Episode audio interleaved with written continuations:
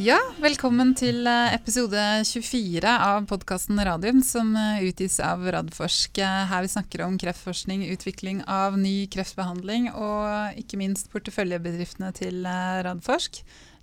Velkommen tilbake i studio, Jonas. Takk skal du ha. Ja, Du har vært litt nervøs siden Per eh, Valda gjorde en så Ja, ekstrem jeg har figur. fått så mye hyggelig tilbakemelding. Jeg lurte på om han var i ferd med å kuppe plassen min her, men han øh, får vente litt med det. Ja, Vent litt med det. Per kupper ikke ting, vet Nei, du. han Han er ikke typen snill til det. Snill gutt. Ja. Og så må vi også si eh, velkommen til vår gjest i dag, Jan Alfheim. God morgen. God morgen. Ja. Administrerende direktør i, i Onko Invent. Eh, vi skal komme litt tilbake til deg og til det selskapet. Vi gleder oss til å få en oppdatering. Du har vært her, her tidligere også. Men eh, vi må jo gjøre som vi pleier å gjøre, Jonas, og det er eh, aktuelt skjedd siden sist. Ja. Uh, og der har det kommet veldig spennende oppdateringer på data fra Targovax. Ja. Eh, Det- kan ikke du fortelle litt om det? Jo, det kan jeg.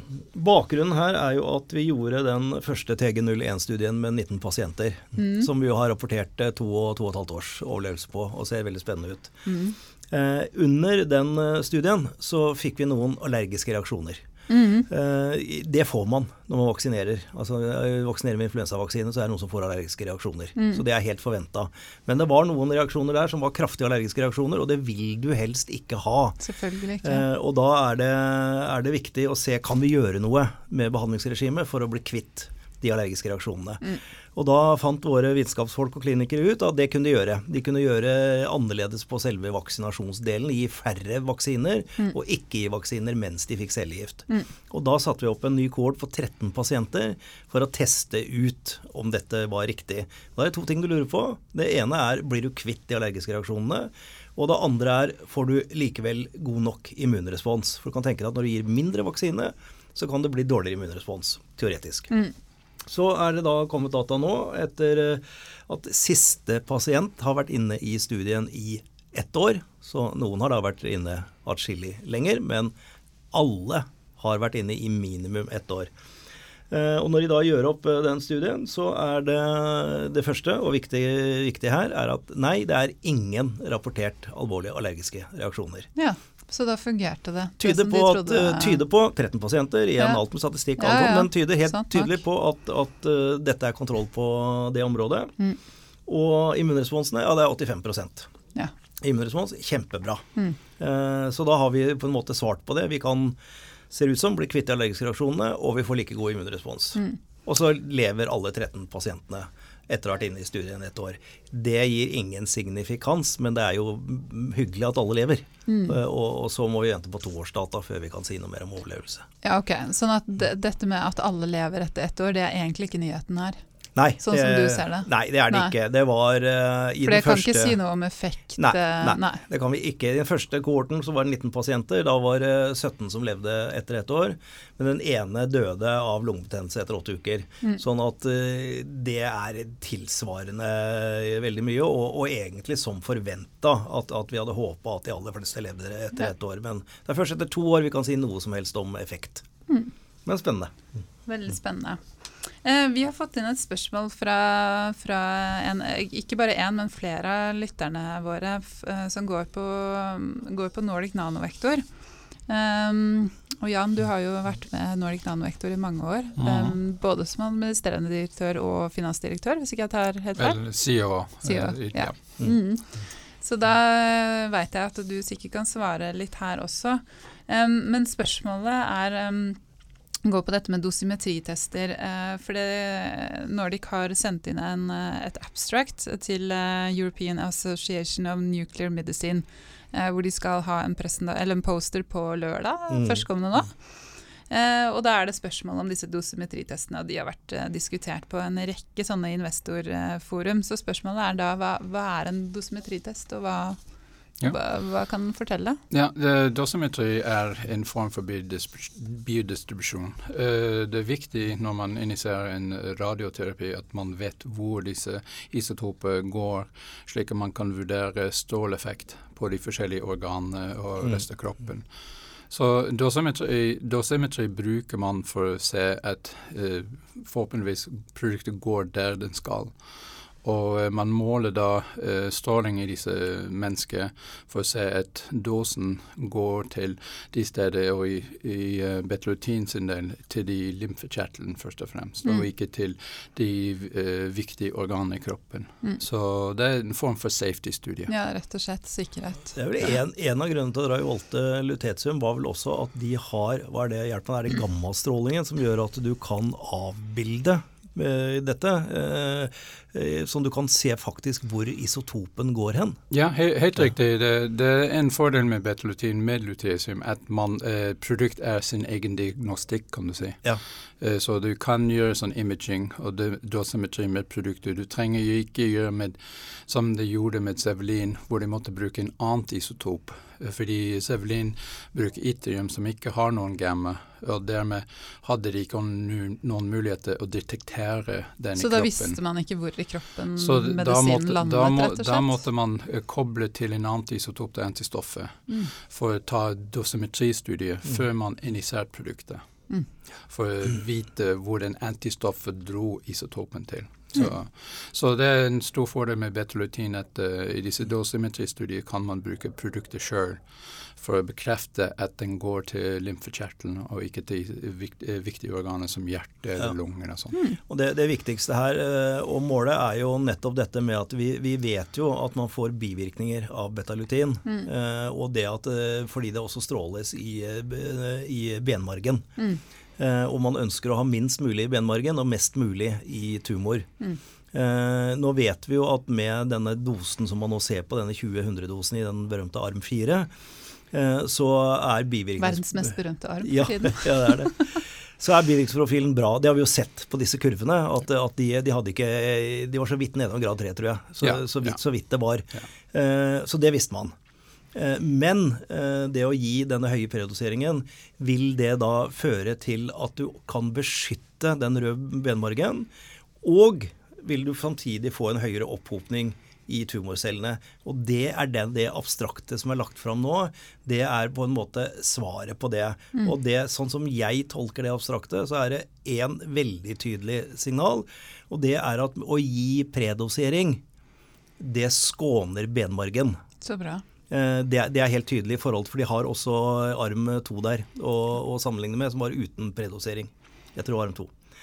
Eh, og så, men så er spørsmålet å gå fra 1540, altså arm 1, til 2000 i arm 4. Vil det gi en signifikant eh, økning i ratioen, altså forskjellen mellom hvor mye som går i tumor og hvor mye som går til rød benmarg? Og vil du da få en kraftigere opphopning av medikament og stråling i tumorcellene? Eh, det de viser i, disse resultatene, er ja, du får en høyere og når jeg ikke er vitenskapsmann, så kan jeg si ja, mm. jeg leser ut mm. at du får en mye bedre ratio, og du får en høyere opphopning av isotopen i tumor. Mm.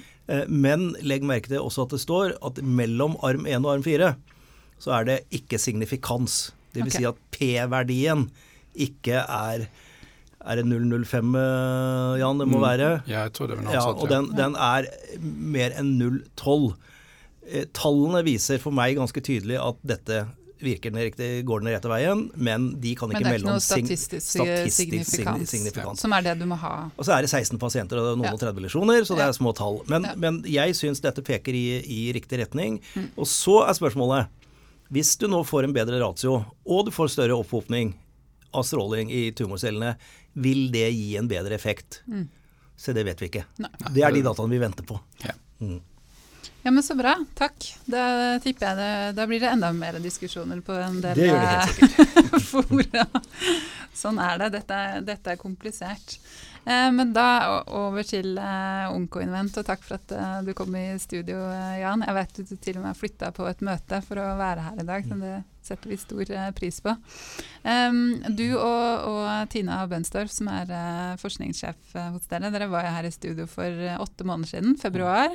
Eh, samme dagen da så hadde dere forsida på Finansavisen, og dere hadde akkurat henta inn 210 millioner kroner. Og da er vi veldig spent på å høre hva som skjer med selskapet nå. Kanskje du kan bare si litt om, for de som ikke husker hva dere gjør. Mm -hmm. Ok, uh, Først uh, litt om uh, produktet som vi utvikler, Radsferin. Radsferin er et produkt som består av en radionuklid koblet til en partikkel. Og det, på den måten er det ikke søkende, som f.eks. betylutin er. Mm. Fun funksjonen av partikkelen er å holde stråling som kommer fra radium i bukhulen. For det er det som er indikasjonen vårt. Vi skal behandle pasienter med kreft i bukhulen som kommer fra andre krefttyper, som f.eks. ovarie- eller eggstokkreft. Uh, og de, uh, kreft fra mage og tarm og lever og andre diverse organer. Så funksjonen er til å injisere den produkt i bukhulen, og partikkelen vil da beholde stråling i bukhulen og bestråle alle kreftcellene som finnes på eh, hinnen på mm. innsida og i væske som finnes i bukhulen. Mm. Så eh, det, eh, er derfor vi ikke har eh, satset på en sånn targeting-agent i, i den forbindelse. Ja, Fordi dere ikke trenger det, rett og slett? Det er akkurat det. Det er fordi vi investerer mm. i det rom. Vi ønsker egentlig at produktet skal spre seg over hele bygghulen og over hinnen for å ta alle mikrometastaser som finnes etter tyrurgi. Mm. Så det, det er Radsferin. Mm. Og uh, firmaet vi uh, har vært uh, i eksistens siden 2010, og vi jobbet først med en del andre teknologi før vi kom på Radsferin. Og det var i, for halvannet år siden at de kom på den produktkandidat og bestemte seg for å gå i utvikling med det. Mm. Og dere er nå i preklinikk? Ja, nå er vi i preklinikk. Og uh, etter vi hentet inn disse 210 millioner som du nevnte, vi har bygget selskapet opp. Uh, vi er nå ti mennesker, mm. uh, tolv mm. totalt med to deltidsansatte.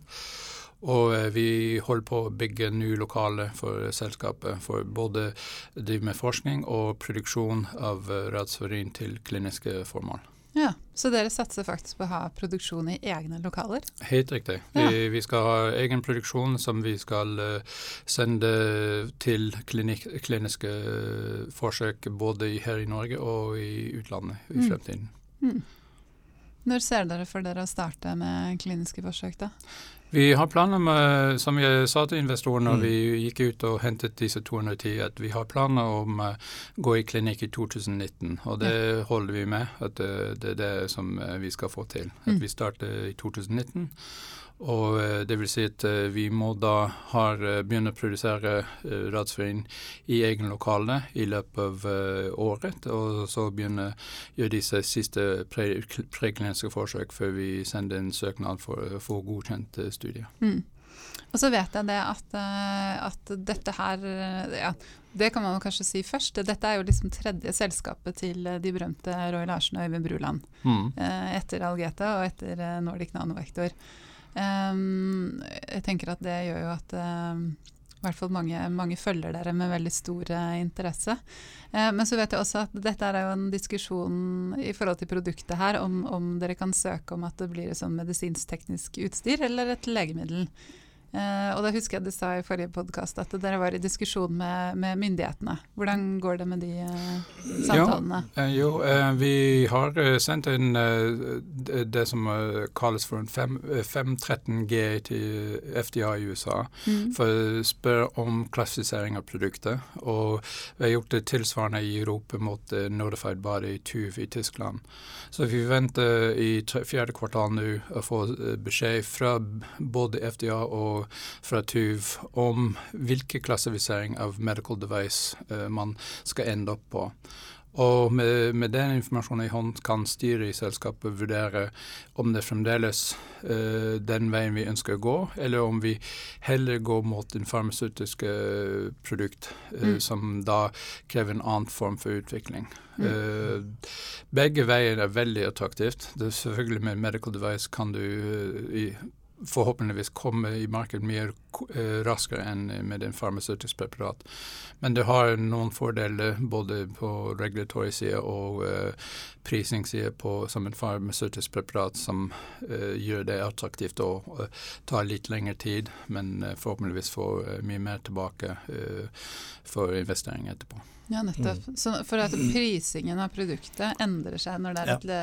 legemiddel kontra medisinsk-teknisk utstyr? Helt riktig. Ja. Hvor, hvor, stor forskjell snakker man om da? Ja, vi snakker kanskje om tigangen i, i sluttbrukerpris. Så dette er både et regnestykke, men det er også en kvalitetsvurdering. Det er mange faktorer som spiller inn. Om du får det som medical device, så er det raskere til du får godkjenning. Mm. Men å få en godkjenning for en medical device betyr ikke at klinikerne tar produktet i bruk. Nei. Det kan fortsatt være at de sier ja, det er fint at dere har det, men vi vil se de og de kliniske dataene og resultatene.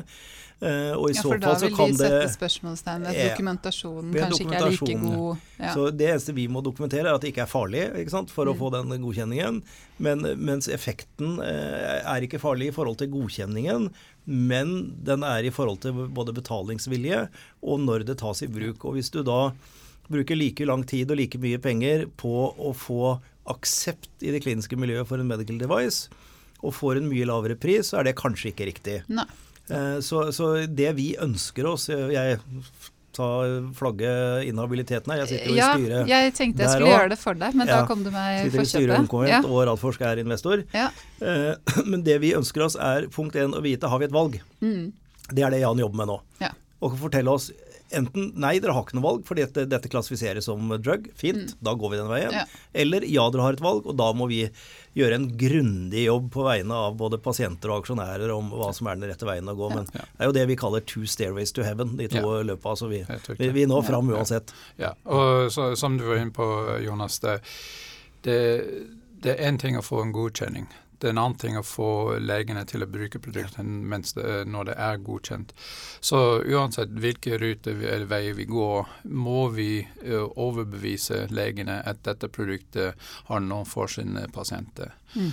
Og det vi vet uh, allerede i dag, er at de pasienter vi, uh, vi sikter mot, det er en stort medisinsk behov per i dag. Ja. Det, mm. så jeg tror at om vi kan vise at vi kan gi disse pasientene en bedre overlevelse og en bedre livskvalitet, at vi kan overbevise legene at dette er produktet for de, de pasientene. Mm.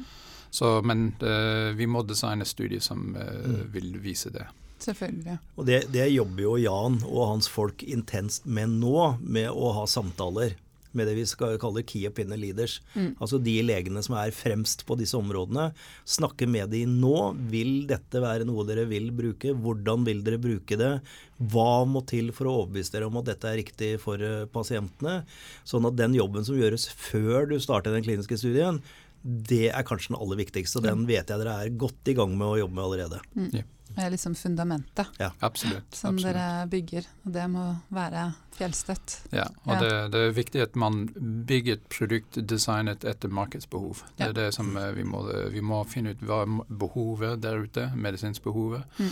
og hva, hvilke karakteristikk produkt skal ha, slik at eh, legene tror at dette vil være løsning for de, de mm. pasienter de har. Mm. For dette vil være da en form for tilleggsbehandling. Fordi dette er, dette er, jo ikke primærkreft. Dette er jo kreft som har spredd seg fra annen type ja, kreft. Ja, men det som er interessant med de, de pasienter vi uh, har tenkt å behandle, er at i de tilfeller f.eks. eggstokkreft og kolorektalkreftpasientene, kreftpasientene, der har uh, kirurgene vært inn og fjernet det årsak til primærkreft, dvs. Si eggstokkene eller den biten av tarmen, ja, mm. tarmen mm. som, uh, som er, uh, kreft, har kreft i seg. Så om vi kan da stoppe opp den spredning i, i bukhulen, mm.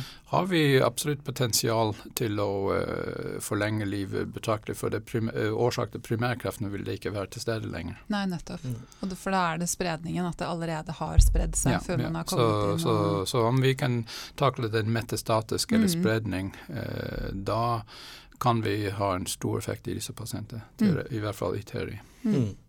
Eh, Er det disse to kreftformene som du forteller om her, som har spredning primært i bu- bukhulen, eller er det andre Det, det er akkurat det. Eh, I, i eggstokkreft det er faktisk uh, først og fremst bare spredning til bukhulen. Ja. Så det er ikke noen andre spredning f.eks. til bein eller til jern. Så, Mm. så det er absolutt en veldig interessant pasientpopulasjon for oss. Og i, uh, i kolorektalpasienter det er også en populasjon som faktisk får spredning først og fremst til bukhulen, Mm. og ikke til andre organer. Mm. Så der igjen, om eh, vi kan behandle og stoppe opp den spredningen spredning i bukhulen, har disse pasientene mye bedre prognose. Ja, for Ja, de, disse pasientene dør som regel av sin spredning til bukhulen. Helt riktig. Mm. Ja, og det er en avmagring pga. Ja. den.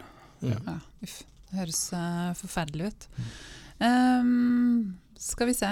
Ja, dere har jo, dere har jo egentlig lenge levd sammen med Nordic Nanovektor. eh, fordi dere har delt både lab og kontorer oppå, oppå Kjelsås. Men nå har dere flyttet eh, til Nydalen. Hvordan er det?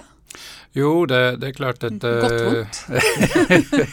Nei, vi er veld, veldig takknemlige for at eh, Nordic Nanovektor har eh, fungert som inkubator for oss uh, i de første årene. Uh, men uh, det kom en tidspunkt hvor man vokste ut av det, lokalene, og vi hadde absolutt behov for større areal. Så vi, vi, vi var nødt til å finne en ny plass til oss selv, og det har gått veldig bra. De kontoret i landskapet har vært i eh, operasjon siden april, Mm. og eh, den er ganske fullt allerede nå. Ja. Eh, Men uh, labareal den har blitt under oppbygging, og vi regner med å flytte inn disse utstyr som har vært oppe på Kjelsås til de nye lokalene i slutten av oktober. Mm. Og så laben håper vi at det skal være operativt i løpet av november. Mm. Den, eh, Masse aktivitet. Ja, det er det. Og Ja. det, det er jo kjempespennende. Altså, jeg gleder meg som en unge til de skal åpne produksjonslokalene. Tenk på det, da. Altså, dette er en, en bedrift som Ja, som du sier, vi, vi, vi starta jo selskapet sammen med Roy for en del år siden, men, men det var jo et rent forskningsselskap. Sånn at det er ikke mer enn to år siden vi tok beslutningen om at dette skulle nå bli et selskap som skulle kommersialisere ett produkt. Mm. Og da er vi altså allerede der nå at vi skal produsere selv vårt eget produkt. Og det er radiofarmaga, så det er ganske avanserte Mm. Ja, er saker. Eh, og går da i klinikker Du sa 19, jeg trodde du hadde sagt du skulle komme i Ja, sa jeg 18. 2000, unnskyld, neste år. Ja, ja, i 18, ja, ja. Da vil jeg gjerne få- få 2018 rett- få rette på det. og Da retter vi på dette det. selskapet- Går i klinikk. First in man i 2018. 2018, neste år. Ja. Og når- Jan nå bygger opp dette selskapet, så Jan har jo bakgrunn fra Nordic Nanovektor. Eh, og så så ansetter han eh, kanondyktige, spennende mennesker i dette her nå. Og dette er folk som kommer fra miljøene tidligere. ikke sant? Det er ikke Ja, er fra ja. Algeta fra Nordic Nanovektor. Ja. Eh, så så nå, nå, nå bruker vi den kompetansen som vi har brukt der tidligere. Det er spennende. Ja, jeg må bare si at uh, vi kan takke Roy for det òg. For at, Ja. eh, uten at Roy hadde startet disse tidligere selskapene, og uh, folk ikke hadde hatt anledning til å lære om radiofarmaka, ville Mm. vi ikke hatt mulighet til å finne disse folk i Norge. Nei. Så man har faktisk høstet resultatet av den tidlige satsing til Roy og Øyvind, faktisk, på den måten. Så, så nå, nå bygger vi altså denne pilotproduksjonen, og, og lykkes dette selskapet, så har vi helt klare planer om at den fabrikken som skal produsere for uh, ikke-USA, den skal ligge her. Og vi skal Ja. bygge opp det her. Så dette er en del av helsenæringssatsingen. Ja, for da er- bygger man jo et Ja. reelt eh, farmasøytisk bedrift. Ja. Ja. Men, men en ting jeg vil gjerne også påpeke, at uh, vi skal ikke ha én produksjonslokale. Vi Nei. skal ikke ta risikoen at uh, det skjer noen ting i den ene lokalen ikke, da ikke, vi ikke klarer å levere produkt. Nei. Så vi skal ha to produksjonslokaler, en på hver side av havet. Så at eh, vi kan alltid levere produkt. Ikke sant. Ja. Kjempesmart. Så det er, ja, nei, det er, det er kjempespennende. Men da, da tenker jeg sånn, eh, fordi jeg vet at vi har veldig mange investorer som hører på, på podkasten vår, eh, og nå er det nok noen som sitter der og tenker når kan jeg komme inn her? Ja. Hva er muligheten? Kan ikke du si litt om, om eier, eierne dere har nå, og planer sånn finansielt videre? Ja, eh, vi, eh, først om eierne. Vi har, eh, vi har, vært så heldige å få inn noen sterke navn som på eiersida. Mm. noen av de største familier i, i, Norge når det gjelder penger. Og de har dype lommer. Så vi har, vi har sikret oss en langsiktig utviklingsselskap på den måten allerede med forrige runde. Eh, det vi har sagt til uh, de investorer som kom inn uh, i, i, tidlig i år, var at vi har planer om å komme forbi den første fase én studie før vi går ut og henter neste, neste runde med penger. Okay. Så, så sant at vi klarer å få inn disse pasientene neste år, ikke i 2019, bør det være i 2019 at neste runde vil komme. da. Mm. Det er det som vi tar sikt til, og det er det som vi har sagt i alle presentasjoner yeah. tidligere. Nettopp. Og eierne nå, det er uh, Sundt-familien? Sundt-familie Fredriksen? Ja. ja. Det, det, høres ut som du kan disse navnene. Ja, Radforsk, ikke minst. Radforsk. Og uh, Roy selvfølgelig er en ja. stor, stor inne i Must er en annen investor ja. inne i selskapet. Mm. Um, har jeg glemt noen av de kan ja, jeg tror det. Ja, jeg tror det er de, det er de, noen av de store. største. Og så er det, er det en, en, en, investorbase nå på mange aksjonærer har vi nå. Det er en uh, Veier er godt over 140-150. Ja, 140-50, et eller annet sånt. Ja. Mm. Så, så, det er eh, Og, og om uh, aksjen blir mer omsettelig etter hvert, det får tiden vise. Det er sånn samme svaret som vi gir på alle selskap som ikke er børsnotert. Er, vi er alltid klare, men vi bestemmer når vi skal gjøre det selv. Ja. Og det med børsnotering og sånn, det, det, får man jo bare da se på. Det kommer vi tilbake til. Ja. For det, det, er helt avhengig av eh, hva våre aksjonærer ønsker. Ja. Mm. ja. Og det høres ut som det er en del andre ting som dere må konsentrere dere om før dere tar den diskusjonen også. Ja, vi, vi må levere. Ja. Som selskap det alltid eh, det handler om at mm. man skal levere. Og så sånn at vi får komme i klinikk som vi har lovet, og vi får noen gode resultater. Mm. Da kan eh, styret ta beslutning på ja. hvordan man går videre derifra. Vet dere nå hvor dere eventuelt vil gjøre de kliniske studiene? Jo, vi, vi har signalisert allerede at eh, de, den første studien den blir kjørt her på Radiumhospitalet mm. og i Belgia. Ja. For det er der hvor vi har uh, ekspertise som mm. er nødvendig for å kjøre disse studiene. Og det er veldig mange pasienter. Så rekruttering ser vi frem til. for det antall pasienter som behandles i de to uh, instituttene, er stort. Mm. Um, kan man si noe om antall pasienter uh, som skal inkluderes? Jeg tenker sånn Vel, jeg, jeg kan si litt om den uh, tiltenkt design. Det er en klassisk tre ganger tre, hvor du kjører endosnivå, og så om det er tre som uh, har ikke noen bivirkning, da går du opp. Eh, så vi kommer til en vanlig eh, klassisk eh, tre ganger tre design.